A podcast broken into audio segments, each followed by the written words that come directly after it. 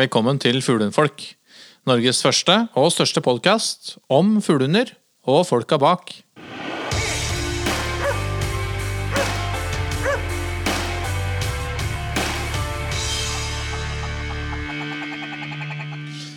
Hallo, gutter. Hallo! Hallo. Da er det jubileumsepisode. Hurra! hurra, hurra! Episode 20. Ja, guri meg. Tenk på det. Går fort. Ehm, ja, vi startet jo opp um, i februar, og nå er vi i uke 26. Det vil si at vi har jo klart å holde en episode i uka. da Ja, det Det er litt jobb, men det er veldig moro, da. Det er veldig gøy. Veldig gøy er det. Ja. Um, I episode 18 så snakket vi med Cato om uh, sjeldne fuglehunder. ja.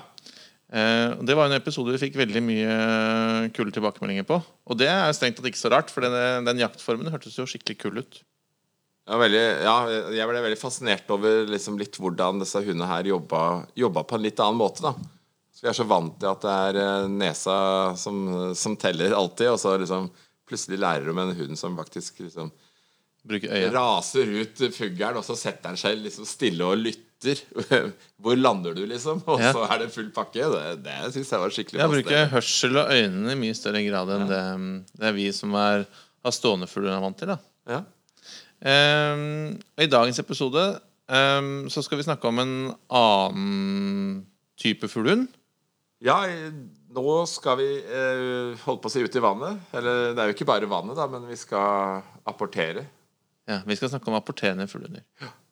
Det er jo en egen, eh, egen eh, gruppe, det òg, med hunder som eh, faktisk da er spesialister på å hente.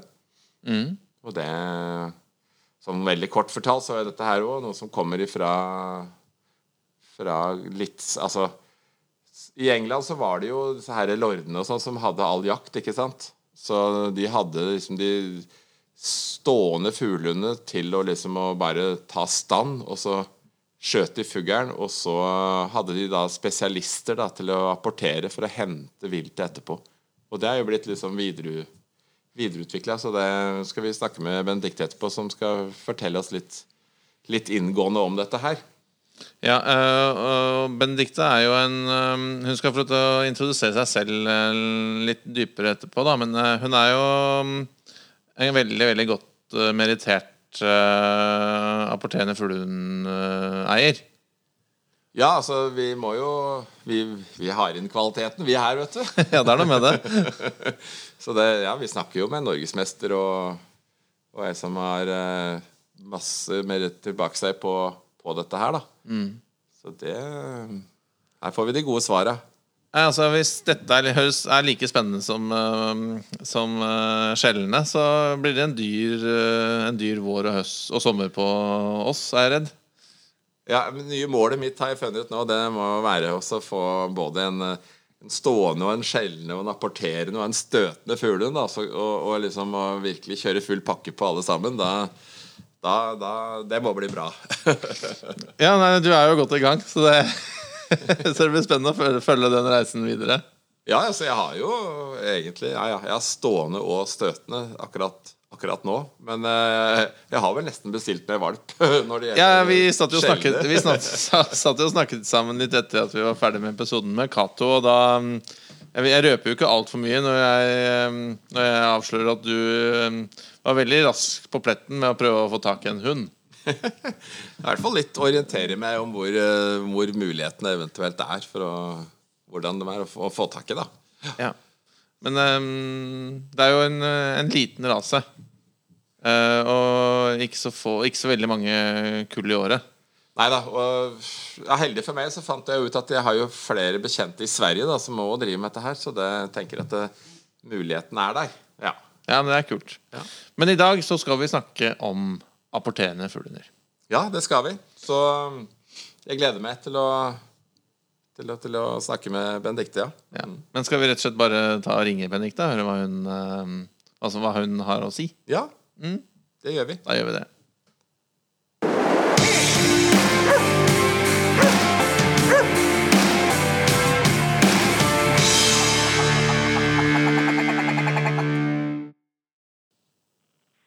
Hei, det er Benedicte. Hei, Benedikte. Det er uh, Fuglehundfolkpodden som ringer. Hei, Hei! God dag, god så dag. hyggelig. Ja, Vi, um, vi har eh, sittet og snakket litt om apporterende um, fuglehunder. Og um, det er vel uh, få som uh, kjenner den hundetypen bedre enn det du gjør. Kjenner den ganske godt, ja.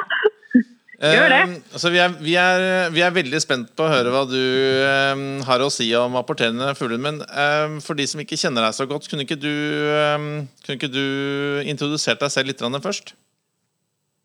Jo. Jeg heter Benedicte Skårnes, og jeg bor i Drammen. Ehm, og jeg fikk min første retriever, som er en apporterende fuglehund, i 2006. Jeg er oppvokst med hund fra før av, men da er det andre raser. Men siden 2006 så har det vært retrieveren. Ehm, og dens arbeid både på praktisk jakt, men også på jaktprøver og i konkurranseformen da, av det. Så det er hovedsak det jeg driver med, og så driver jeg jo oppdrett av en av retrieverrasene. Ja. Kult. Um, kan, ikke du, um, kan ikke du ta oss kjapt gjennom eh, hvilke raser som eh, klassifiseres som apporterende fuglehunder?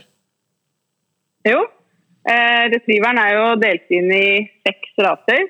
Eh, du har labrador retriever, som er en korthårsretrieverrase. Så har du golden retrieveren, som er en sånn gyllen langhårsrase. Og så har du flat-coated retriever, som også er en langhårsrase.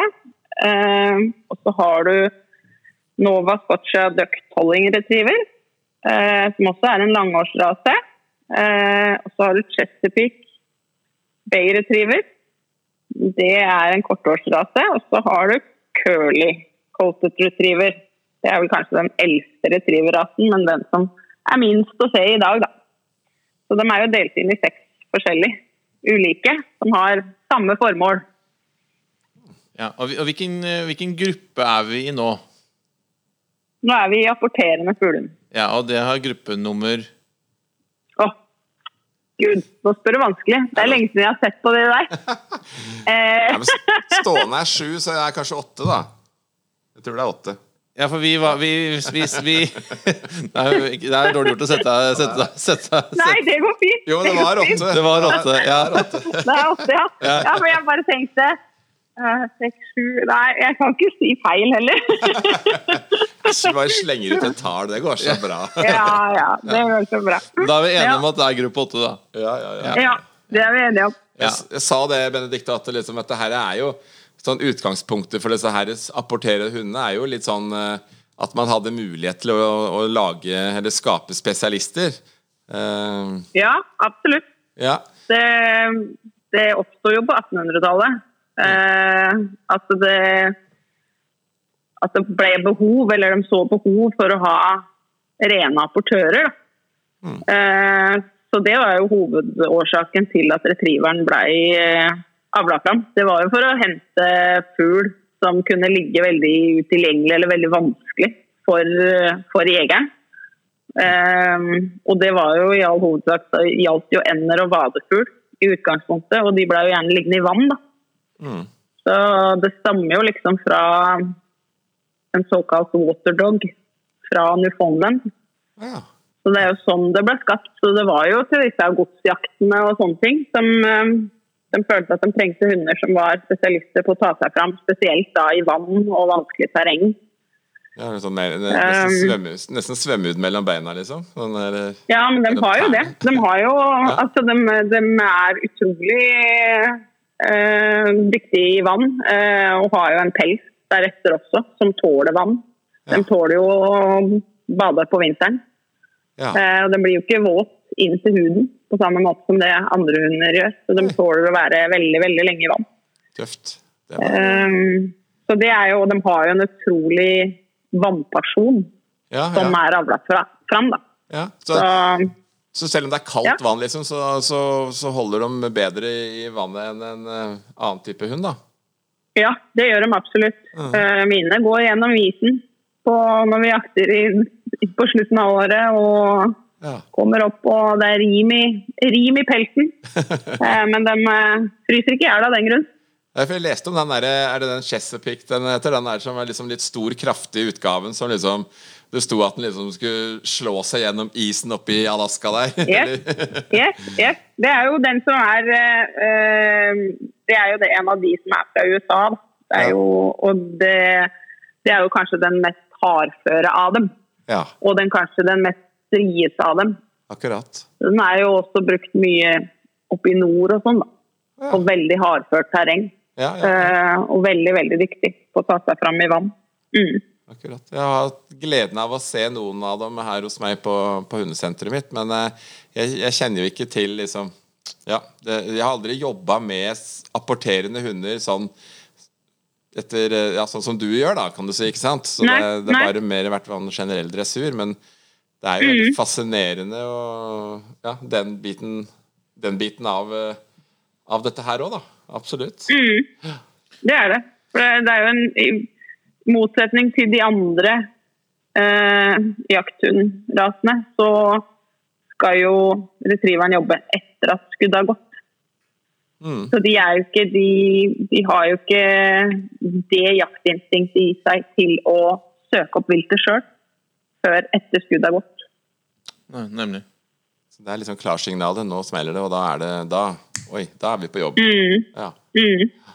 Det er jo en av den store egenskaper, den passiviteten de har da, til å sitte stille og ikke forstyrre jakta og ikke gå på urørt mark. og Ja. Ja, for De skal bare vente ved førerens fot. Ja, for det er jo litt sånn eh, For når man tenker på liksom både, både eh, en del labradorer og flat og sånne ting òg, så er jo det hunder som man på en måte opp, eller tenker på som veldig, veldig aktive hunder, da.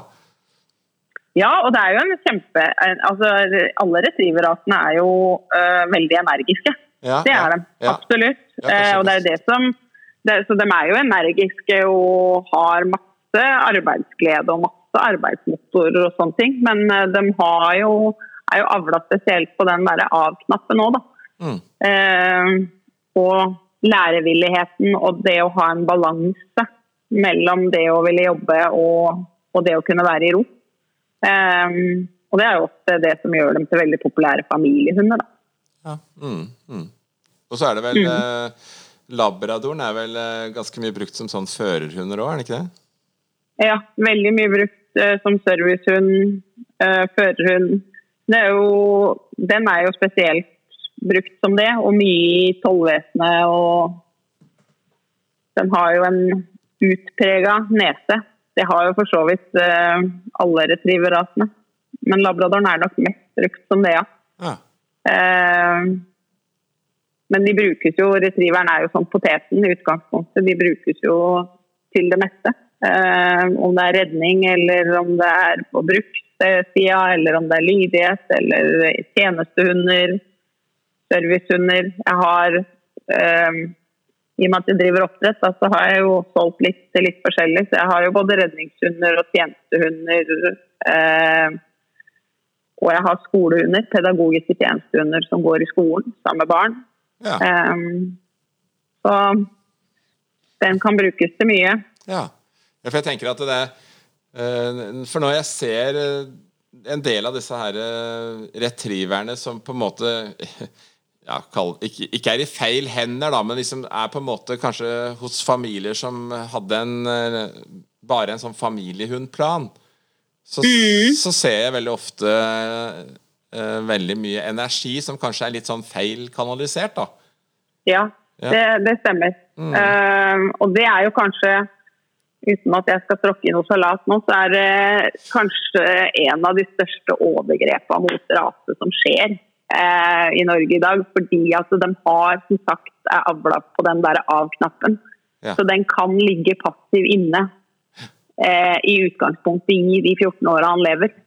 Eh, uten at den spiser opp veggene dine eller at du får så innmari mye problemer. Det eneste du kan få, er at den er høyenergisk ute. Eh, og det er vel kanskje det folk ikke forstår, da, er at det er jo en hund på lik linje med alle brukshunder som fortjener å bruke seg både fysisk og psykisk. Da. Mm. Det er kanskje den største misoppfatningen er at han er så mild og er så nær flokken og ikke nødvendigvis har de største instinktene til å fly. De holder jo en veldig veldig close radius, så frem til de ikke får beskjed om noe annet. Mm. Um, så det er, um, det er, en litt misoppfatning at den, den, blir så rolig. er at uh, Da går jo energien da blir jo den negativ over i noe annet. Ja, ikke sant. Mm. mm. mm. Jeg skal ikke stoppe deg sånn helt, uh, Benedicte, men uh, du var veldig du var veldig kort i din egen introduksjon, og det, kunne vært spennende før, vi, vi liksom uh, uh, snakker oss helt gjennom uh, apporterende, så har jeg litt lyst til å høre litt om merittene dine, og det tror jeg de som um, hører på poden også har. Ja. Jeg starta jo som sagt med min første retriever i 2006, da. Um, og har jo oppnådd lite grann. Um, etter det. Jeg har jo bl.a. Eh, en norsk og en svensk jaktsjampion. Eh, jeg vant noe som heter Eliteprøven i 2018. Og det er på en måte det største vi kan gjøre i Norge. da. Så det blir jo på en måte en norgesmestertittel mm. som kommer på stamtavla. Eh, så der er jeg vel regjerende fordi det ikke ble noe elitevinner i fjor.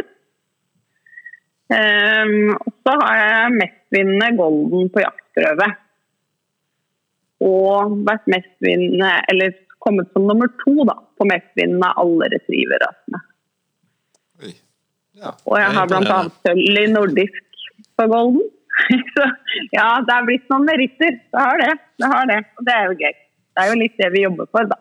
Ikke sant? Mm. Teste den treninga og teste hundene og Mm.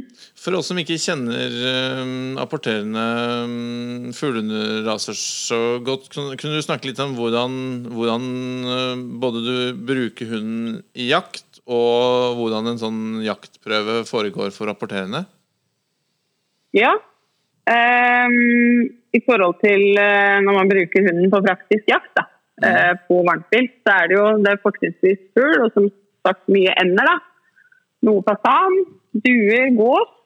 Uh, og det som er uh, med retrieveren, er jo at den holder seg jo på foten. Det er jo selvfølgelig noe man må jobbe inn, men det betyr at den går på plass, da, kan du si. Mm. Uh, og enten det er at vi går eh, for å jakte, at vi på en måte driver, eller at vi står stille rundt et vann og venter på et kveldstrekk eller noe sånt, nå, så er den jo bare på foten helt til skuddet har gått, og helt til han får en beskjed om, om hva han skal hente. Ja. Um, og om det er da i vann eller over vann, eller i altså, Uansett hva slags type terreng, da. De er jo veldig utholdende. Altså i myrterreng og vass og sånn her. Um, og så har de jo en veldig De er jo veldig samarbeidsvillige og veldig lærevillige, så det er veldig lett å ha dem styrbare på avstand. Så vi trener jo veldig for det å ha en styrbar hund, vi, og da bruker vi fløyte. Mm. Eh, så vi kan jo styre dem på fint på 200 meter. Lydhøre, fine. Gi dem beskjed om akkurat hvor de skal søke. Eh, så de søker jo da opp både skadeskutt og dødt vilt. Ja. Etter at, og bringer det hjem. Retrieveren, altså retriv, er jo å hente hjem, bringe hjem. Mm. Så apporteringsegenskapene er jo noe som ligger der, som man bare må stimulere og fremelske. Ja. Og da bringer de alt pent hjem. Myke i munnen, ødelegger ikke viltet på noen måte. Så det er jo det som er greit, da, hvis du skal spesielt på andejakt. Eh, sitte på et kveldstrekk, og det blir jo mørkt etter hvert og sånne ting. Og det er jo da å sende ut hunden. Først for å hente selvfølgelig det skadeskutte, bringe det hjem. Og de kan jobbe mens jakta går. går. De er stille og rolig og sitter tyst med foten og, og søker opp og går ettersøk etterpå. Ja. Og ligger og leter til all fugl er hjemme. Eh, og I forhold til B-prøver, som er på en måte den vanligste formen for eh, konkurranse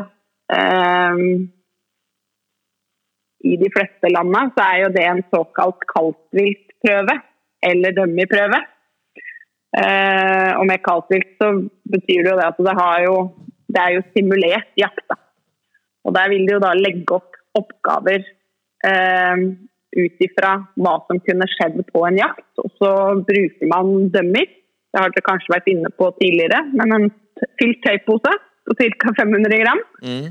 Eh, fordi at vi ikke har så mye tilgang på vilt i Norge til å få gjennomført alle klasser på vilt så brukes det dummy i begynnerklasse, eh, som er den laveste klassen. Og så brukes det kaldt vilt.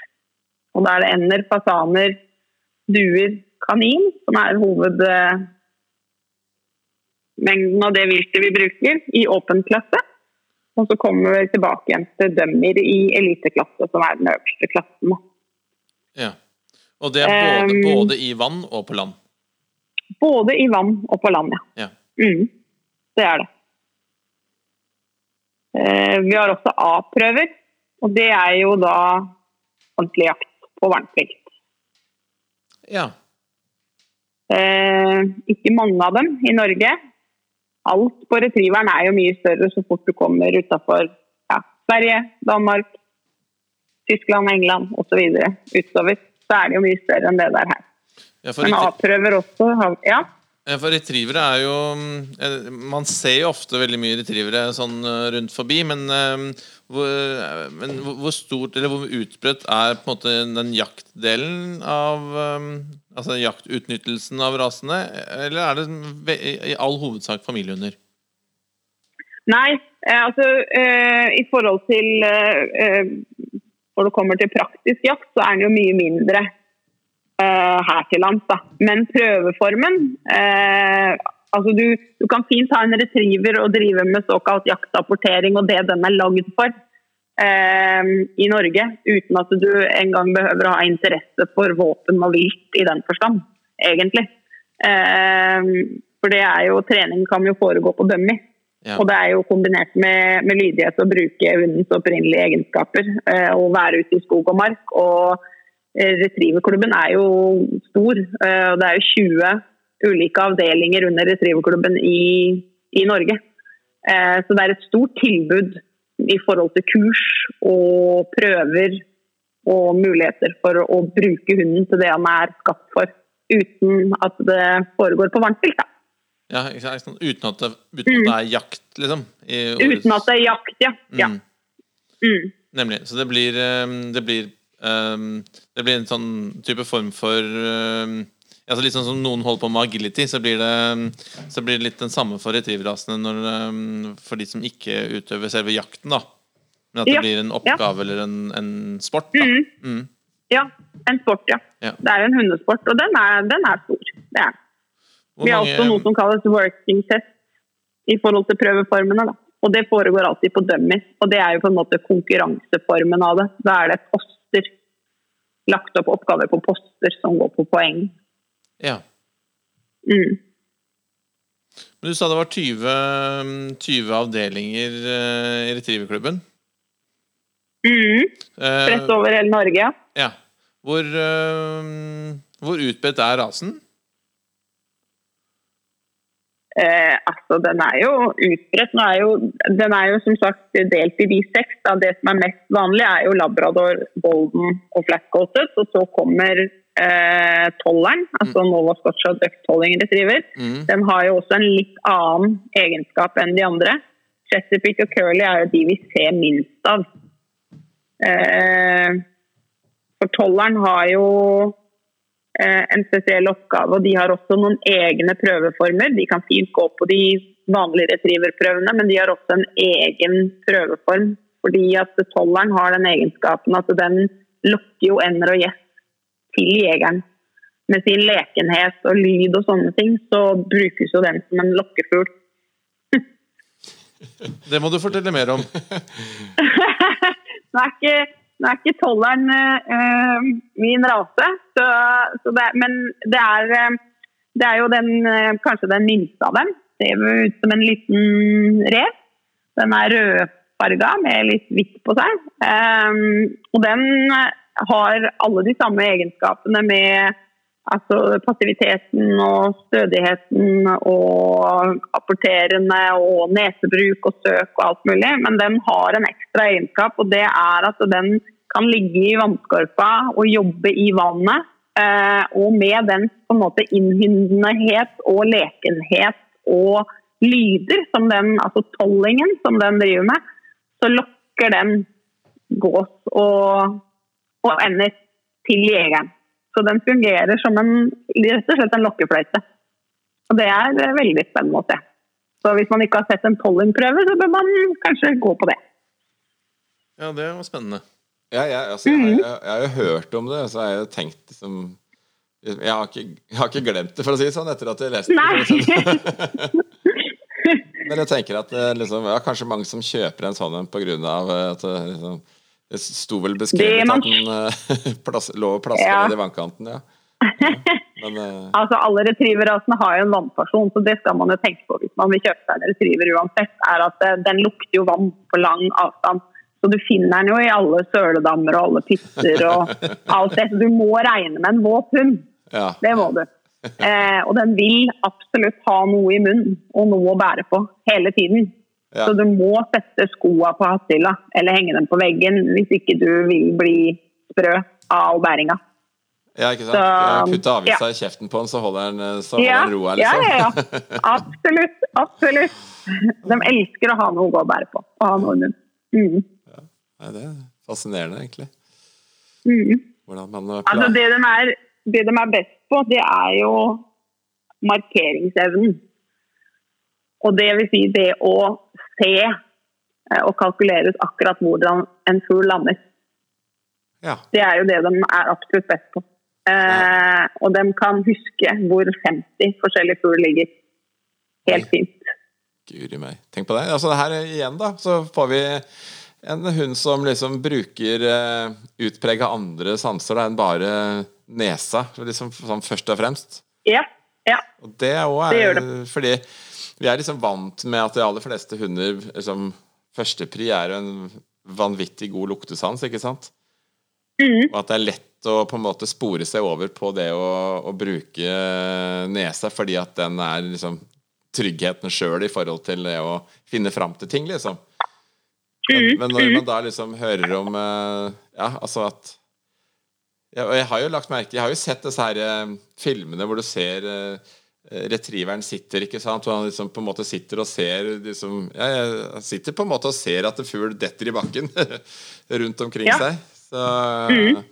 Men ikke tenkt over at det liksom er det som er greia, at en faktisk sitter og på en måte teller omtrent teller opp antall fugl og og klar, det, ferdig? Det gjør de. Ja. Mm, det gjør de. Alt det de ser. Eh, og lydmarkerer, ikke minst. De er kjempegode på å lydmarkere. Ja. Du ser at de reagerer når fuglene lander, om det er aldri så skjult. Så måten de flytter blikket på og låser eh, og slipper og kan gå tilbake igjen. Eh, så eh, under en jakt så kan man jo veldig veldig lett bestemme hvem fugl som skal inn. da. Ja, akkurat. Ja, Nei, men altså der ser vi spesielle ting. Ja. ja det, mm. Og det er jo det som gjør eh, ettersøk effektivt òg, da. Når man på en måte kan Absolutt. prioritere. Absolutt. Ja. Mm. Og, uh, så styrbarheten å kunne holde dem i spesifikke områder. Mm, mm. Og dette er mm. ting som, um, som uh, testes på jaktprøvene? Ja, dette er ting som testes på jaktprøvene. Absolutt. Både evnen til å markere, og det vil da si eh, når det skytes og kastes, enten det er dummy eller kaldtnips, eller eh, evnen dem til å komme seg raskest mulig ut i rett område, og så sette på nesa i det spesifikke området. Plukke og komme hjem mest effektivt. Mm. Eh, og så testes jo også styrbarhet i forhold til at man får beskjed om at i det området har det vært jakta. Rundt der så skal jeg ha inn noe. Og da er det jo igjen styrbarheten og det at han stoler på å gå en rett linje så effektivt som mulig ut i området. Eh, blir stoppa og, og, satt i søk, og ikke bruker mye mark, ikke bruker mye terreng. Eh, samme skjer på vann eller over vann. Mm. Eh, ikke riste seg med fugl i munnen. Mm. Og så er det å søke. For det er, det er vel liksom her, da, på en måte spesialisten kommer inn. altså Hvor man så kanskje behovet da for spesialisten. ikke sant, Dette her med altså, La oss si man har en type hund det, som skal hente et eller annet. Så bruker den holdt på å si en halvtime for å bare sette nesa i systemet og jobbe av et felt. Det vil jo ta mye lengre tid enn den hunden som på en måte mer kan direkte stedplassere fallet og alt mulig sånne ting. da. Mm, mm. Så da kommer kanskje det mer spesifikke for den ja, spesialisten på apport inn i forhold til en vanlig generell apport. Mm. Mm.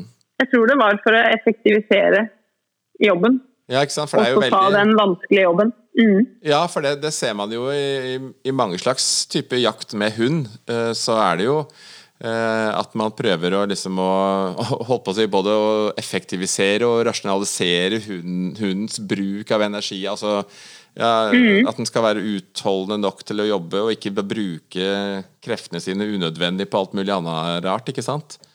Mm. Så det å ha Og det er jo det, for. Ja, og utholdenhet på konsentrasjon er jo også noe den rasen her er veldig bra på. Ja. Eh, For de skal jo da jobbe i utgangspunktet eksplosivt og effektivt i korte trekk, ikke sant? Mm. Fordi at de sitter jo i ro eh, mens jakta pågår, og så er det skutt noe der. Og da er det liksom effektivt ut hente. Så de er, eh, de er eksplosive når det gjelder. Mm. Eh, og evnen deres, eller den egenskapen de har eh, med å ville bringe det hjem, gjør jo også at det blir effektivt. Fordi at det ligger der så naturlig for dem. Mm. Eh, så arbeidet er jo belønning i seg sjøl. Og da ikke søke, men det å komme hjem og avlevere. Mm. Ja. Mm. Mm. Ja, nei, da Ja, det effektiviserer ting, det, altså. Det gjør det. Da Nei, for det er noe av det som man tenker over når man ser, eh, og hører ikke minst, da, om hvordan disse her eh, på en måte bruker eh, alle sanser, og, og hvordan det liksom satt i system gjør ting mye mer effektivt. Mm. Og det, det er jo, den er jo skapt da for å jobbe opp imot både stående og støtende. Mm, mm. Da, men da har du litt sånn derre ja, det er som du sier, det er mye sånn anleggsprøver og prøver og sånne ting nå i dag. ikke sant? Og ikke så mange kanskje som har den muligheten til å kunne ha en, en sånn uh, x antall av uh, diverse raser for å jakte. ikke sant? Man har jo Nei, nei. Da må man liksom tilbake til disse her lordene våre da, borti England for å liksom å, Ja. for å se den biten. Men liksom eh, Mm. for jeg ser jo viktigheten eh, som, som tvingte seg fram i forhold til, eh, til de stående fuglene, ikke sant? Eh, Gruppe sju der. At det, det er liksom etter hvert blitt et påbud med apport, da. Som en del av både hum, human jakttankegang, ikke sant, og effektivitet. Mm. at man sette, satte samme hund til å både ta stand og til å, å apportere etterpå. Mm. Men eh, man ser jo et helt annet ja, En helt annen type kanskje kvalitet da, i det du, det du skisserer her, da, i forhold til spesialisten. Ja, og det, det, er, det er jo synd at vi ikke får brukt det mer, egentlig. Syns jeg. For at når man ser det, så eh, Når vi er på de godsjaktene bl.a. i Danmark og, og videre utover, så, så er det jo effektivt eh, å ha med de støtende og de stående. Eh, også at vi står i bakkant og effektivt henter fugl mens jakta kan pågå videre. Mm, mm. Mm. Ja, det er kanskje bare lave Sånn at de kan liksom gjøre det de er spesialister på. Ja, ikke sant? Og slå et, slag, slå et slag for å invitere med noen apporterende hunder da, på, på fjelljakta òg. Ja. ja.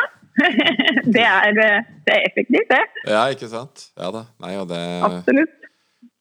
Og det er, en, eh, det er jo en, en enklere fordi han ikke eh, eh, søker opp og jager eh, på den måten som de, de andre gjør. da. Skuddet er gått, så er det jo en, en enklere hund i forhold til eh, jaktbiten. Den er jo, holder seg jo, har jo ikke en stor radius. Den er veldig lærevillig, veldig samarbeidsvillig, veldig nær fører hele tiden. mm, Um, så det er, en, det er ikke en vanskelig hund å trene og ha innkalling på. Det er ikke noe vanskelig å kalle dem hjem fra, fra et søk. Uh, og bryte dem av fra en apport. Mm. Uh, så det er, en, det er en enkel hund å ha mange av. Ja, akkurat. Ja. Det Mm. ser det. Men jeg, jeg har jo Jeg leste en gang litt om dette her med ehm, Med akkurat sånne retri... Altså tenker sånn litt sånn store, sterke eh, labrador, labrador retriever, hannhunder, ikke sant? I forhold til dette her med litt sånn kjønnspreg og, og litt, det, de, det de kaller litt for sånn sekundære kjønnskarakterer og sånne ting. Jeg vet ikke om du vet hva jeg mener i farta, sånn, men jeg tenker liksom på at jeg hørte at, eh, at disse her litt store Store labradorer med litt sånn Med kraftig, kraftig kropp og stort hode og sånne ting òg liksom hadde Så den fikk det litt igjen i forhold til at det hadde litt mer hormoner i tillegg, da. At du fikk det Altså, det er jo, det er jo, ja, det er jo, det er jo kjent at eh, de, de to driftene som er høyest, er mat og, og sex, driften, for, for retrieveren. Ja. Så det, det er jo ikke eh, Men det er nok dratt litt langt. Ja. Det er det. Ja, det er det absolutt. Eh, uh, så jeg ikke si at Altså, det er en, en, en rase hund som er enkel i forhold til miljø, og som er enkel i forhold til andre hunder og mennesker og generelt. De har jo ikke eh, nødvendigvis altså, De har ikke vokterinstinkter. Eh, og jeg tenker at det er litt hva man gjør det til også. Ikke sant? Ja. Ja, jeg tenker at det har med miljøpregning, med lydighet, med mange, mange aspekter som man kan styre. Så så gærent som det det skal fremstilles som, er det nok ikke. Nei, nei. Eh, det er det ikke. Nei da, jeg bare For jeg tror, jeg tror liksom det er litt viktig hvis man på en måte får seg en sånn En stor, sterk hannhund av en sånn type hund, at man på en måte vet litt eh, får, Altså at man på en måte setter seg litt inn i, og kanskje får litt hjelp av oppdretter òg, på hvordan man skal jobbe hunden fram. For jeg, jeg tenker eh, Dere har vel en plan på hvordan dere jobber altså, disse her fram ifra, fra, fra valp, da? Helt klart. Helt klart. Det må man ha. Eh, og det tenker jeg jo i utgangspunktet, sånn er det jo for alle raser. Eh, men vi har jo noen spesifikke ting selvfølgelig som er for retrieveren. Og, og, og det å, å trene lydighet er jo selvfølgelig kjempeviktig. Eh, det å fremelske eh, og stimulere hundens naturlige apporteringsegenskaper, den naturlige kontakten de har. Mm. Eh, det er jo en kjempeviktig greie som vi har mye fokus på. Samtidig det å trene på den passiviteten som de allerede innehar. Eh, det, å, det å styre energien deres over på det de er ment for å gjøre. Da. Eh, og det å gi dem fysisk og, og psykisk utfordring. mm, mm. Ja, det, Eh, absolutt, absolutt viktig. Og det er jo en, det er jo en myk hund. Eh, så positiv trening altså de, de er veldig samarbeidsvillige og veldig veldig lettlærte. Mm, Så det er liksom ikke nødvendig eh, å gå ut så, så hardt. Da. Nei, nei. Det er en Det- førermyk hund. Ja, ikke Mm. sant. Og det Og det er selv de store, selv de store labradorene. Ja, Det, litt, det handler jo litt om å styre de driftene som finnes der. Da. Og så har man jo selvfølgelig, som i alle andre individer, at noen har mer kjønnsdrifter enn andre. ja. Men det er jo også litt hva man tillater, tenker jeg. Mm. Og. Men når du da selger en valp, liksom hva syns Hvor skal det da nye, nye Den nye valpen, opp å si, hva skal de begynne med sånn eh, Hva syns du er best eh, progresjonsmessig? Sånn hvordan jobber, jobber du fram en valp? Eh, kontakt. Ta vare på all kontakt. Eh, for de er kontaktsøkende eh, fra starten. Eh, så det å, det å ta vare på den kontakten de gir, og det å eh, altså forsterke den kontakten eh, Det å forsterke bæringa av dem, så at de har lyst til å ha ting i munnen. Eh, for det, de vil jo plukke opp ting, uavhengig av hva det er, eh, og komme til deg. Eh, Så Det er sånn som vi snakker mye med valpekjøperne om. Da, at eh, om man tar den aldri så fine skoen eller noe sånt nå, så river vi ikke den ut av munnen på den og kakker den i huet men. Liksom. Det, eh, det er jo første biten av innkalling og første biten av det å komme hjem. Det er helt naturlig. Eh, Så da tar vi det imot. og roser og bytter, og de gir det villig fra seg. Så unngå å skape konflikter med nettopp det der eh, å komme hjem. Den grunnrapporten ligger der så naturlig. Mm. Um, så det er vel når vi begynner å overtenke der, at vi kanskje går i en felle. Uh, det å lære dem at uh, den mest, positive posisjonen er ved fot ved siden av oss. Mm. Det er her det skjer. Mm. Um, det å fremelske av-knappen i alle miljøer. Altså trene på det å, å, være rolig og sitte og bare følge med. Ja. Eh, det er jo hovedfokuset, da. Så det blir jo innkalling, da fot, ro, og så selvfølgelig fremelske den grunnapporten og det at han bærer, og kontakten.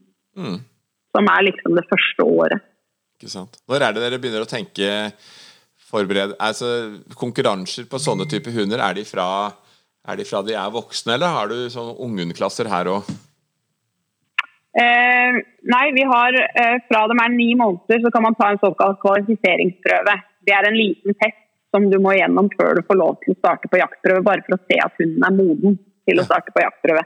Mm. Um, og så kan man starte etter hunden er fylt et år. Um, men jeg anbefaler ikke nødvendigvis å tenke å starte så tidlig. Nei. Eh, pleier ikke å starte hundene før de er oppimot to år. Mm. Uh, fordi jeg tenker at de skal være modne for det. Og de skal vare lenge. Mm. Det man kanskje ser, er at hvis man starter for tidlig, så, så opp, Altså man får problemer etter hvert. Da, fordi at man går for fort frem. Mm. Det er som med alt annet, man må bygge en god grunnmur. Mm. Eh, og når den sitter, så kan man putte på enda mer og enda mer. For det ja. blir jo vanskeligere jo høyere opp i klassene man kommer, selvfølgelig. Eh, men det er også noe med det at eh, den våkner på dette her etter hvert.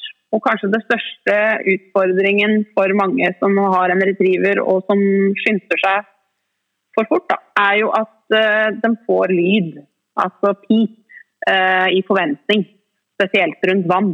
Fordi at de har så, en så stor vannperson. Ja. Og på våre prøver så er nulltoleranse for lyd. Det er ett lite pip, så er det bare å ta på koblet og dra hjem. Og det er uansett om du har kjørt til Belgia eller hvor du har. Da er det takk for nå. Ja. Så det er helt, helt nulltoleranse for, for, lyd, da. Ja. Ja. Eh, så derfor det å ta seg tid til å bygge en god grunnmur, og la mm. hunden bli moden først, før man begynner å stille på prøve. Det er uh, noe som jeg snakker mye om. Ja, for det, det, er liksom det å forstå hva modenhet er det, det, det, handler, mm. det, handler jo om akkurat dette her med at da, da er ting på en måte satt i system og satt på plass. Mm. Og, mm. og, det er veldig mange som på en måte Altså I dag så har vi liksom åpna litt mer altså, Nå er det jo blitt sånn at vi skal begynne å jobbe med hunden fra han er valp. ikke sant? Og før så skulle jo mm. se jo mange hunder skulle på en måte bli voksne nok til å ta dressur før man i det hele tatt skulle ta i dem. ikke sant? Så, men, men, men, vi har jo fått så mye gratis etter at vi skjønte at eh, kontakten og sånne ting, det er jo liksom noe du får eh, fra bikkja kommer i huset ditt, ikke sant? Ja. Absolutt. Så enkelte ting må man jo starte med fra de er åtte uker. Mm. Men da liksom, mm. så, så, kan noen da dra det vel langt, da, tenker jeg, i, i, det med at man drar øvelser for langt og gjør de for avansert og bruker for mye ja, tid og liksom, ja, avansement på det. ikke dermed, bygger den grunnmuren. Mm. Og da får man alle mm. de feila, ikke sant? Mm. Da, da, kommer sånne Og i hvert fall min erfaring, da, med, men ikke da har ikke jeg så mye greie på det her eh, apporterende, vet du, men, eh, men, men, de feilene man bygger på hunden i ung alder, de har en tendens til å være vanskelig å ta bort. Det er min erfaring. Hva? Ja, ja, og så kommer de gjerne ut i noe. Hvis du fjerner et problem, så ja. har du nødvendigvis ikke fjerna problemet som ligger inni hunden, eller det stresset eller den forventningen eller det feil som har skjedd, som fortsatt ligger inni hunden. Da. Ikke sant? Så Det er jo noe vi ser hos oss som er på en måte de de tre største flyene, det er jo lyd. Ja. Eh, og så er det jo knalling, at han går før han får beskjed. Ja. Eh, og så er det jo dårlig viltbehandling. Ja, altså og med det at vi har liten ja, med det at vi har liten tilgang på, på, vilt, så er det veldig mange som kanskje ikke får introdusert hunden mm. tidlig nok mm. for vilt, hvis det er det man skal Og da kanskje man har stressa for mye fram, og så får man lyd, og så skal man jobbe med det å få bort den lyden. Mm. Og så kanskje kommer det ut i knalling, for det kommer gjerne av det samme. fordi at stresset blir for høyt, men jeg kan ikke pipe. Da Mm. går jeg isteden. Eh, og så får man tatt det problemet, og så kommer man opp i den midterste klassen, og så skal man begynne med vilt, og da blir den for hard på viltet. For da kommer frustrasjon eller stress eller et eller annet ut i det isteden. Mm, mm. Ja, nei, det er veldig godt eh, illustrert i forhold til det med akkurat å forstå Forstå hva modenhet er. For jeg, jeg ser det òg i andre ting. Jeg ser det f.eks. i spor, hvor man Ja, man skal gjerne introdusere sporet tidlig, men da snakker vi om et spor på bare noen få meter, ikke sant? Og, og litt sånn halleluja på det. Men, men så Ja. avanserer folk med en gang og legger etter hvert et, eh, et sånn godkjenningsspor for en, eh, en valp eller en unghund som på en måte egentlig ikke er klar for det, og så, og så kommer feilene, og så, og så er det nesten umulig å fjerne de feilene etterpå, fordi de kom inn i en sånn viktig periode i hundens liv som på en måte ja, sånne, sånne, I en sånn periode hvor ting setter seg, da, som, som, eh, Mm. som betong, liksom, det blir vanskelig å fjerne etterpå. Vanskelig å korrigere på. Mm. Det er jo- Så, mm, Ja, og det er jo vanskelig å, å, å skulle avlære noe. ikke Og så sant? skal du nyinnlære noe eh, når hunden har kommet et Ja, sånt, og- Mm. sånt stykke på vei og fått erfaring på For erfaringa de gjør gjentagende ganger, den setter seg jo som læring. Så, så det er absolutt det å, det å virkelig bygge en, en god grunnmur. Og så ikke tenke at modenhet nødvendigvis har med alder å gjøre, for det har det ikke. Nei. Eh, for det er jo også ulikt mellom de ulike individene hvordan de modnes. Mm, mm, Eh, og, og retrieveren, altså spesielt da eh, kanskje golden og flatcoated, den blir seint modne i Ja. utgangspunktet. Klart. De er seinere for modenhet. Eh, og hva er modenhet i, i, i hunden i forhold til alt det han går gjennom de første to åra, som er naturlig for alle hunder, og hva er modenhet i trening? Det er også to forskjellige ting. Ja, ja. Ok. Du forteller. Fortell videre. ja, men det er veldig sånn, Sånne ting er veldig spennende. da, og veldig sånn, eh, ikke sant? Det er, så vanskelig Det er veldig vanskelig for folk å lese seg til sånne ting. ikke sant? Og, og man kan være heldig og uheldig i forhold til hvem som på en måte står der og skal fortelle hvordan ting er òg. Så det å, det å på en måte eh, Jeg mener det at liksom Det å ha så mye erfaring at man faktisk som på en måte kan lage et bilde av akkurat disse tinga her, det er liksom Det, det vitner jo litt om eh, om at man virkelig eh, kan faget sitt, for å si det sånn. Ja, ja men, og det, det er jo noe man må erfare da, etter hvert. Ja, eh, og lære seg. Og så må man, må man også selvfølgelig ha litt den evnen, eller prøve å tilegne seg evnen av å lese hunden eller lese det individet du jobber med. da. Ikke sammenligne. Mm, mm. Eh, og, og det som vi ofte ser også, eh, folk vil gå på kurs, så vil de ha mest rapporter. Altså Hvis de får hente ti dømmer, så er de fornøyd.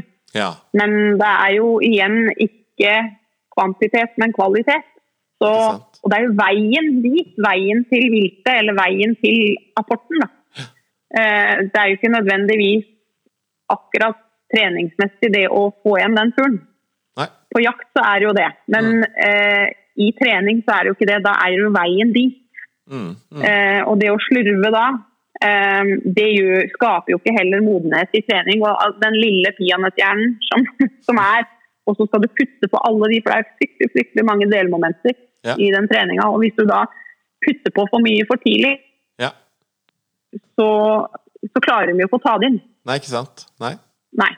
Eh, og det vi kanskje ser også, er at eh, så fort man får litt styrbarhet på disse hundene, da hund, Mm. eh, og da glemmer folk å trene. De glemmer at de gikk ut for å trene f.eks. linjer. Mm. Eh, for hvis de går hjem, så har de kanskje ikke trent linjer. De har kanskje stått og kjørt hund og brukt signaler. Og egentlig skulle pelte fra hverandre igjen i morgen. Så det å, å ha litt tunga rett i munnen og, og bygge og, ha, og vite at nå skal jeg trene det, og hvordan skal jeg trene det, og ha en plan, Ja. eh, det er kanskje det som er det viktigste. Og ikke se hva den andre gjør, uansett om det er på kurs eller om det er på trening, eller å stå og sammenligne seg med at min skulle vært der, men faktisk ta det individet. Hvilke, for det er jo mange egenskaper her, og noen har en kjempegod nese. Eh, kjempebra viltfinneregenskaper. Andre har en utmerket markeringsevne. Eh, noen er født helt naturlig, som de omtrent ikke trenger å, å, å jobbe med fot. Mm. Eh, og så er det kanskje noen av disse egenskapene som ikke er fullt så bra, som vi må fremelske mer enn de andre. Mm. Mm. Eh, og det, det, er viktig å se på hva er det, hva er det mitt individ trenger. da. Ja, for det det, er, det er, mange ting å ta av her. og da, sånn at det, Jeg tenker at når du når du skal finne, finne en partner til bikkja di, så, så, så, må du liksom ut på dette her. Altså, du vet, altså, den type hund du har, den blir jo også mye brukt som sånn konkurransehund i alt mulig rart. Av annen, ja, altså lydighet og alt mulig sånne ting, ikke sant? Mm. Men så er det så mange flere ting her som skal òg fungere for at du, liksom, du skal få kanskje det rette inntrykket av at helheten er der, da. Mm, ikke, mm. ja, og da må, man, da må, man, se på noe annet enn bare en nødvendigvis semigrader, Da. Ikke sant? Ja. ja. Så det Nei, veldig spennende og veldig interessant eh, Ja, arbeid, eh, arbeidende hund. Mm. Mm. Jeg tenker, Benedikte, hvis, man, hvis, noen av lytterne våre sitter nå og hører på det og, får lyst til å anskaffe seg en apporterende hund, hva, hvordan ville du gått frem, og hva ville du sett etter? og Hvor ville du hentet informasjon? og Jeg ville jo i utgangspunktet da tatt kontakt med Retrieverklubben. Gått inn på Retrieverklubben sine sider. Lest om de ulike typene av apporterende hunder som, som står der. Eh, og finne ut litt eh, hva, hva, er det er det Vil jeg ha med meg eh, opp på fjellet? Eh, vil jeg reise ut og jakte? Vil jeg ha en som skal stå på andetrekk kun? Eh, ønsker jeg eh, kun å konkurrere i det? Hva, hva, hva, er det jeg ønsker ut av det, og så se litt på de ulike. For fordi om de alle er rapporterende, så har de litt, litt allikevel ulike, ulike, egenskaper. Og så tatt kontakt med, med ulike oppdrettere og kanskje dratt også sett f.eks. på disse B-prøvene som står på Retrieverklubben sin side og på Norsk Kennelklubb sine sider, som er rundt omkring eh, i landet vårt. Og sett litt hvordan retrieveren brukes mm. for å få et inntrykk av det. Ja, for, for, for det, er, eh, det, er, det, er, raseforskjeller på disse Det er litt, det er litt raseforskjeller, det er det. Eh, det er litt, litt, ulike. Eh, nå kan ikke jeg snakke for alle, for jeg kjenner ikke alle. så Vi snakka litt om, om tolleren mm. og dens tolling-egenskaper. Eh, Chesapeake og Curly skal ikke jeg uttale meg så mye om, og de ser vi veldig veldig lite av. Eh, så De som er mest vanlige, er jo Labrador, Golden og Flatcoated. Mm. Eh, og der er jo labradoren kanskje den som er eh, Rolls-Roycen innenfor vår konkurranseverden, i hvert fall. Ja. Eh, den er jo som en soldat. Den, den, bare gjør. Den går. Det vil ikke si at den er noe lettere å trene eller noe sånt nå. Eh, vi må skille litt her. Men det er en hardtgående, veldig, veldig fokusert, kanskje den tidligst modne av dem. Og nå snakker vi arbeidslinjer. Nå snakker vi, for det er jo, det er jo ulike eh, De er jo litt delt, og det skal jeg ikke gå noe inn på, men det er jo working lines vi snakker om her i utgangspunktet, da. Mm. Mm. Um, og så har du for, for det, finnes, det, finnes litt, det, finnes, ulike retninger ikke sant, på, på linjene? Det finnes ulike, ulike retninger på linjene. Ja. Uh, noen er uh, mer avla for utstilling og show. Uh, og noen er mer avla på arbeidsegenskapene. Det er uansett samme rase, da. Mm. Men det er litt ulike retninger. Ja. ja. Mm. Sånn har det blitt i alle raser snart, tror jeg. Ja, sånn, sånn har det blitt. Ja, rett og slett. Uh, og golden er nok en, en, en, mer tenkende hund, som jobber på litt annen måte. Altså, labradoren er veldig fin til å sette nesa godt ned i bakken når han søker, f.eks. Mm. Golden retrieveren går på overvær og må jobbes mer for å få nesa ned. Men den søker naturlig på overvær, f.eks. Eh, og den er mer tenkende ut ifra terrenget, hvordan man velger å legge seg i terrenget. Eh, og kan da være litt mer utfordrende i forhold til at eh, Ser han en lettere vei, så veit han hvor han skal, men velger kanskje ikke nødvendigvis å bare dra rett igjennom, da, sånn som labradoren gjør. Uh, Flatcoaten er jo også litt tenkende, og, og kanskje den hunden som er lengst umoden, da. Og kanskje mer energisk. Og litt større av type. det er liksom eh, sånn Jeg har alltid hatt en sånn der eh, Jeg syns jo at fletten er veldig fin, men jeg ser at jeg, jeg har alltid tenkt at det er liksom en hund med altfor mye energi for meg, liksom. Jeg, jeg har liksom sjelden sett Ja, en flett de- som er rolig. ja. Ja. Nei, det er, hvis han blir brukt og får bruke seg, så innehar den de samme passive egenskapene som de andre retrieverrasene. Det. Ja. Men det handler igjen om å kanalisere energien da, Ja, til noe positivt istedenfor noe negativt. Og der, jeg tenker bare liksom Når du snakker om alt det du snakker om nå, som, som er ganske Jeg tenker at det er veldig viktig Veldig viktig bit av dette her med å ha en retriever, er denne kanaliseringa di. Ikke sant? Og tenker jeg at det, så, sånn at hvis du skal gå kurser og lære om dette her, så er det så vil jeg tenke at det er veldig viktig at du faktisk går et eh, kurs hos noen som virkelig kan denne rasen, da. Eller disse, disse Ja, det tenker jeg er viktig. Ja. Enten da via retrieverklubben, Ja. eller de ulike som driver med rasen, som holder Mm. eh, de ulike apporteringskursene. Ikke sant? For det, nå Mm. Og det har det finnes det masse av. Ja. ja, for nå er det så mange Da dukker opp noen slags hundeskolegreier alle stand snart, og har veld, Mm. med veldig ulik karakter og, og, og, Ja, ja. og kunnskapsbase, kan du si. Og, det er, Mm. og dette her er igjen eh, Altså Her hører jeg såpass mye spesielt, men jeg tenker at eh, her må du virkelig kunne disse rasene for å, for å gjøre dette her riktig, da. Ja, og jeg tenker også at det er viktig å søke kunnskap der det finnes kunnskap og kjennskap til akkurat den rasen. Ikke sant? Ja. Til de apporterende hundene. Ja, ja. Mm. ja det høres veldig viktig ut, hører jeg. Så skal man lykkes og få det, få det til ordentlig. Mm. Mm. Ja. Men eh, denne, denne, denne kunnskapen om hvem som er flinke på de, de ulike retrieverne, eh, høres ut som det fins i retrieverklubben. Det Det finnes i retrieverklubben. ja.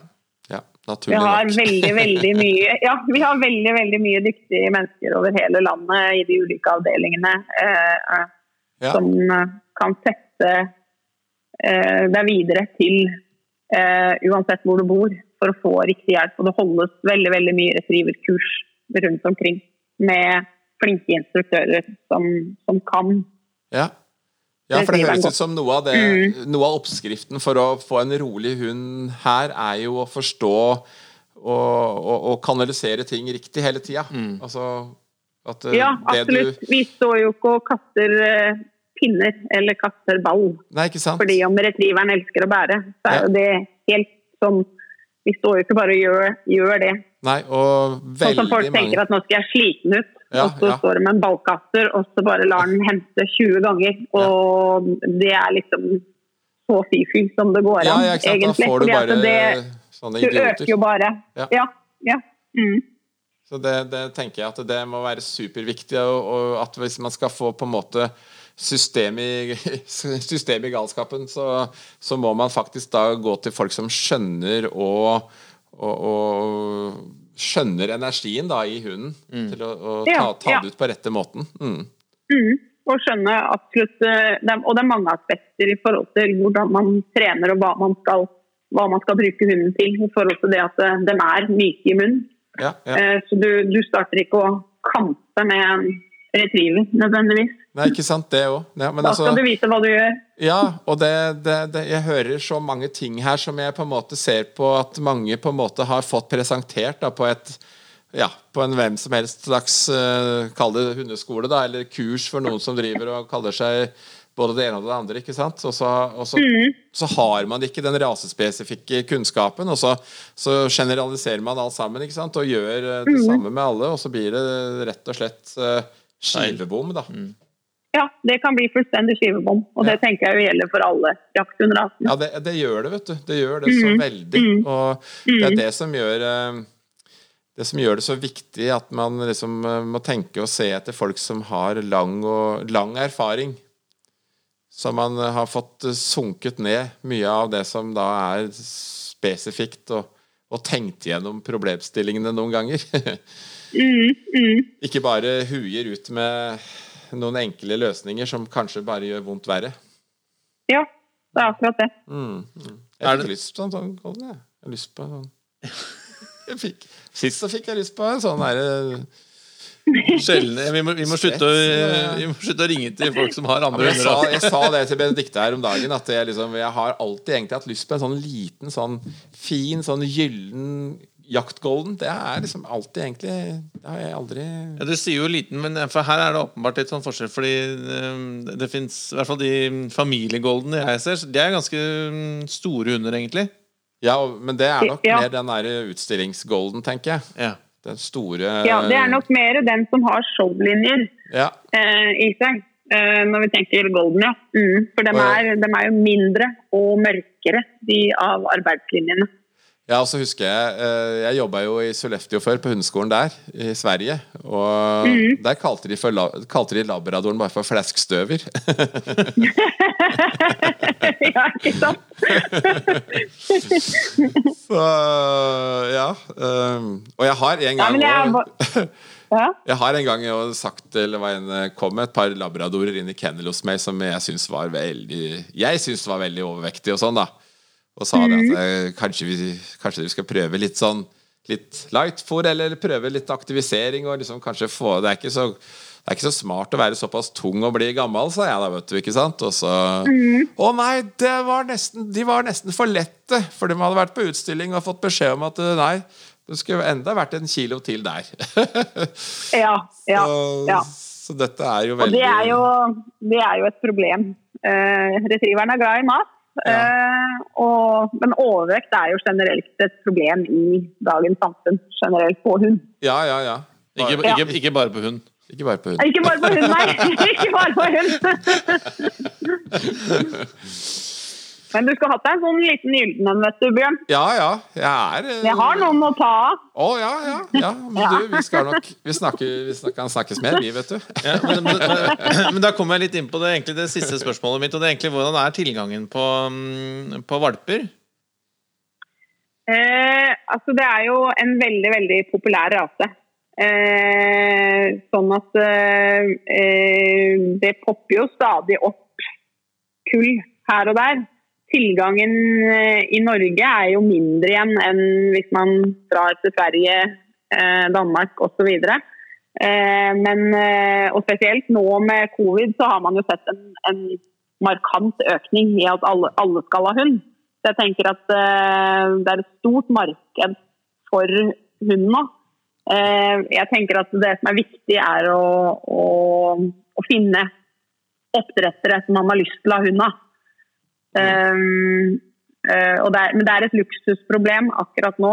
Uh, og vi skal passe oss litt, for det, det er en populær rase som sagt den kan brukes til veldig, veldig mye. Mm. Um, jeg så jo det nå. Jeg har åtte fire uker gamle sånne gylne som ligger her ute. Oi, oi. Hva er det Eh, du jeg sier? har, og, og, og valpelistene har vært eh, utrolig lange. Ja, Sånn at eh, eh, Lengre enn lengst denne gangen her. Eh, jo det, jeg ser jo på det som et luksusproblem, Ja, ja, ja. ja. men jeg hadde 84 på liste til åtte valper. Og det var 84 som hadde kommet gjennom mitt nåløye. Eh, og jeg selger ikke kun familiehunder. Nei, ikke sant? Jeg selger kun til de som skal bruke de aktivt til noe. Eh, sånn at man skal, være, man skal være, sette seg på liste hos flere oppdrettere og undersøke litt. Og man må regne med å kunne vente et par år, Ja. sånn som det er nå. Mm. ja. Nei, men det mm. Det er vel kanskje mange som egentlig har godt av det. Jeg ser en del, eh, en del kjøp, valpekjøp kan være litt eh, sånn impulsstyrt òg, ikke sant? Så det er jo det at Ja, man faktisk Det at man faktisk må vente, er jo bare et eh, litt sånn sunnhetstegn, det, på at man da sitter igjen med folk til slutt som faktisk eh, er eh, tenker alvor her. Skikkelig mener. Ja, ja, Ja. ja. For oss er, det, så er det en viktig ting. At man, at man kan vente, og Ja. at man vet. Uh, og så at man da setter seg inn i at man ikke bare tenker at man skal ha en hvilken som helst retriever, men at man setter seg inn i hvem retriever er det som passer for meg. Mm, mm. Mm. Nei da, du har disse her eh, store så har du liksom Jeg, synes, jeg har alltid likt Jeg syns den jaktlabradoren er en veldig flott hund. eh, Når du har en Altså, de litt lettere typene, da, syns jeg er veldig fine. Sånn eh, Mm, mm. har jeg jo forstere sjøl, og, jeg har jo ganske lette utgaver. Jeg liker ikke de store, tunge der heller. Jeg liker gjerne de lettere. Litt lettere. Mm, så Ja, ja. Og lettere enn en show, eh, de som er avla mot show. Det, det er de jo. Ja. Eh, men ut ifra det som ligger bak og sånn, så, så er det jo sånn at man eh, vet aldri helt hva man får. Nei. Det er rart med det. Vi får ulike, ulike hårlag. Altså, noen er mer korthåra, noen har mer pels. eh, noen er mørkere, noen er lysere. Noen her blir plutselig kanskje litt for små. Så det varierer jo. Men sånn cirka så ligger jo eh, hannhunda på sånn 26 kilo. Eh, tissene ned på 20-22. Ja, Så det er, en, det er en hendig størrelse. Det er det. absolutt. Ja, det, Mm, mm. ja spennende. Ja, dette var kjempespennende. Ja, virkelig. Da har vi fått, synes jeg, fått en veldig fin sånn innføring i et, eh, ja, denne type hund. Ja, men så bra. I aller høyeste grad. Og så mm, forstår jeg Benedicte rett, så er det jo masse kompetanse i retrieverklubbene og, og ganske mange lokalavdelinger rundt omkring. Så det er, Ja. det er liksom Det er mulig å mm, både oppsøke ulike prøver og også ta kontakt med lokalavdelingene for å få litt mer informasjon da, hvis man er, mener alvor. Mm, absolutt. Og så tenker jeg jo det Masse at bra liksom, kunnskap. Ja, og så tenker jeg, ja, og så tenker jeg det som jeg sa i stad, som jeg liksom Jeg skjønte litt sånn Ja, jeg skjønte den eh, Det er litt sånn avansert å forstå energien her, så at man går til eh, folk som kjenner rasene, tror jeg er viktig hvis man skal Hvis man først har et et retrieverproblem, så tror jeg du skal gå til folk som kjenner rasen for å få løst det. Mm, mm. Så det syns jeg var et viktig poeng. Mm. Så at man husker på at det er, eh, at det er faktisk en type jakthund som kan brukes veldig bra som familiehund, men ikke omvendt. Ikke sant? Jeg vil ikke karakterisere det som en familiehund. Nei. Nei, Så den fortjener å bli brukt med et, et mål, da. Ja. Ja, da får du mest sannsynlig en eh, lykkeligere hund og en eh, lykkeligere familie. Ja, absolutt. Ja. Nei, men Ben- Benedicte, da mm, Jeg lurer på om vi eh, runder av der. Altså, for, ja, tusen takk, Ja. for, um, takk for tiden din. Det var kjempeinteressant. ja, veldig, altså. Ja, det var hyggelig å prate med dere. Så bra. Så bra. Så Det det. høres vi helt sikkert igjen. Det gjør vi helt sikkert. Okay. Og så ser jeg frem til flere episoder. Ja, bra. Det var, det, det var den lista, vet du. Den der lista di. Kanskje, Ja, kanskje dukker opp et navn etter hvert. ja. spennende, spennende. Ja, men det er bra, det. Ha det. Ha det. Ha det bra. ja. Ha det.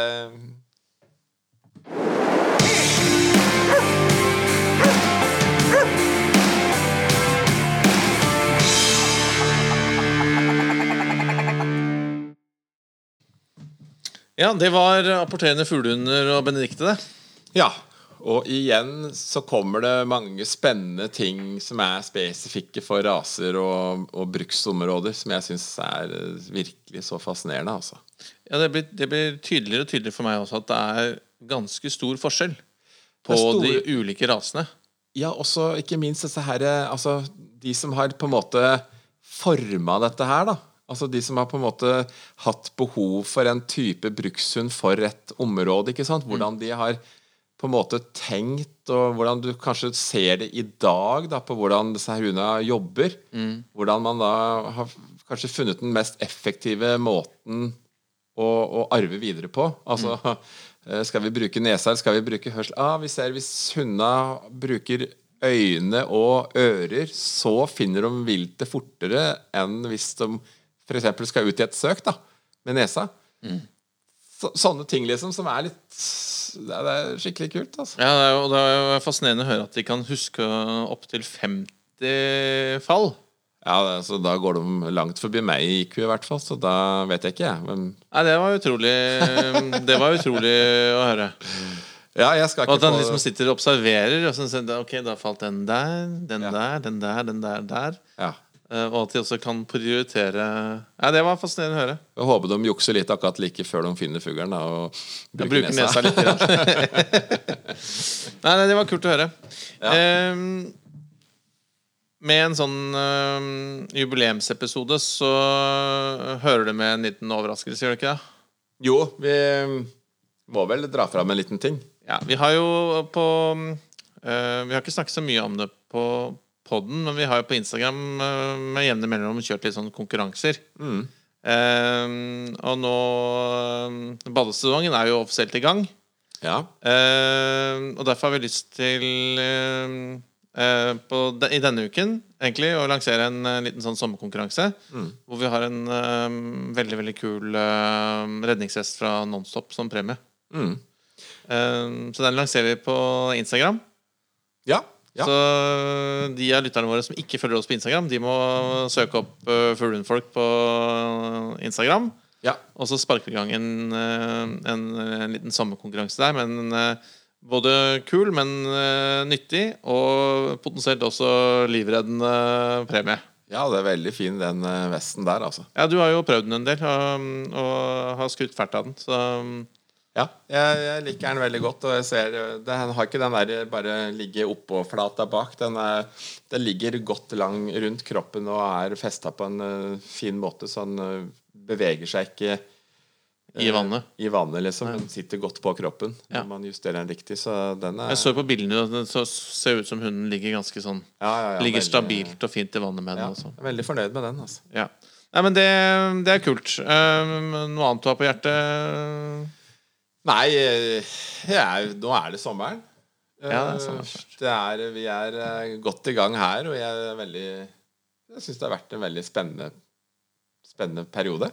Ja, det har vært et, et veldig kult og veldig lærerikt halvår. Ikke minst eh, lærerikt. Det, det syns jeg virkelig, jeg òg.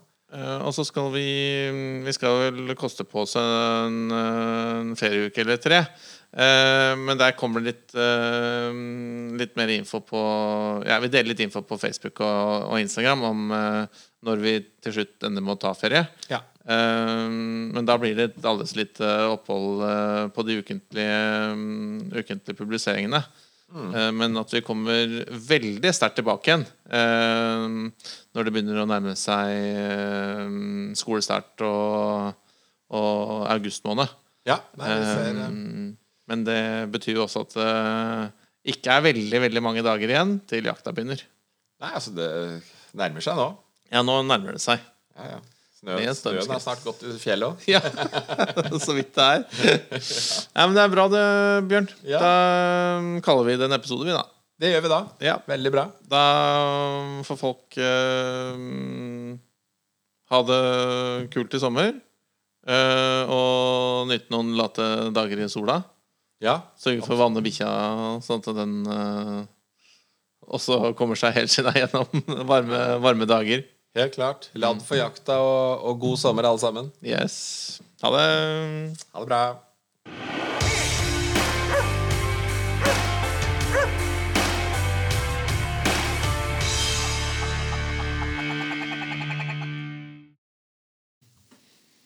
Takk for at du hørte på Fuglehundfolk. Følg oss gjerne på Facebook eller Instagram. Her kan du komme med spørsmål, eller dele tips og råd du tror at vi andre kan ha nytte av. Vi høres!